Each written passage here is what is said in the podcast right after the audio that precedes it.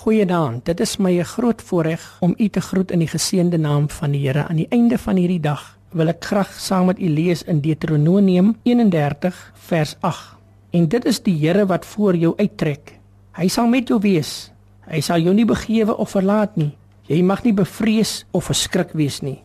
Die vraag is, waarom is jy bang? Die Heer se beloftes is soos die sterre in die donkerste nagte. Dan skyn die sterre die helderste. Die Here is altyd by jou. Dit maak nie saak wat jou stryd en omstandighede is nie. Die Here is voor jou om jou pad gelyk te maak. Die Here is langs jou om jou in sy arms toe te vou. Die Here is agter jou om die aanvalle van die bose te keer. Die Here is onder jou om jou te dra as jy mag val. Die Here is rondom jou om jou te beskerm. Ja my broers en susters, die Here is bokant jou om jou te seën en die Here is binne in jou om jou te lei met sy Heilige Gees. So seën die Drie-enige God jou van nou af tot in ewigheid.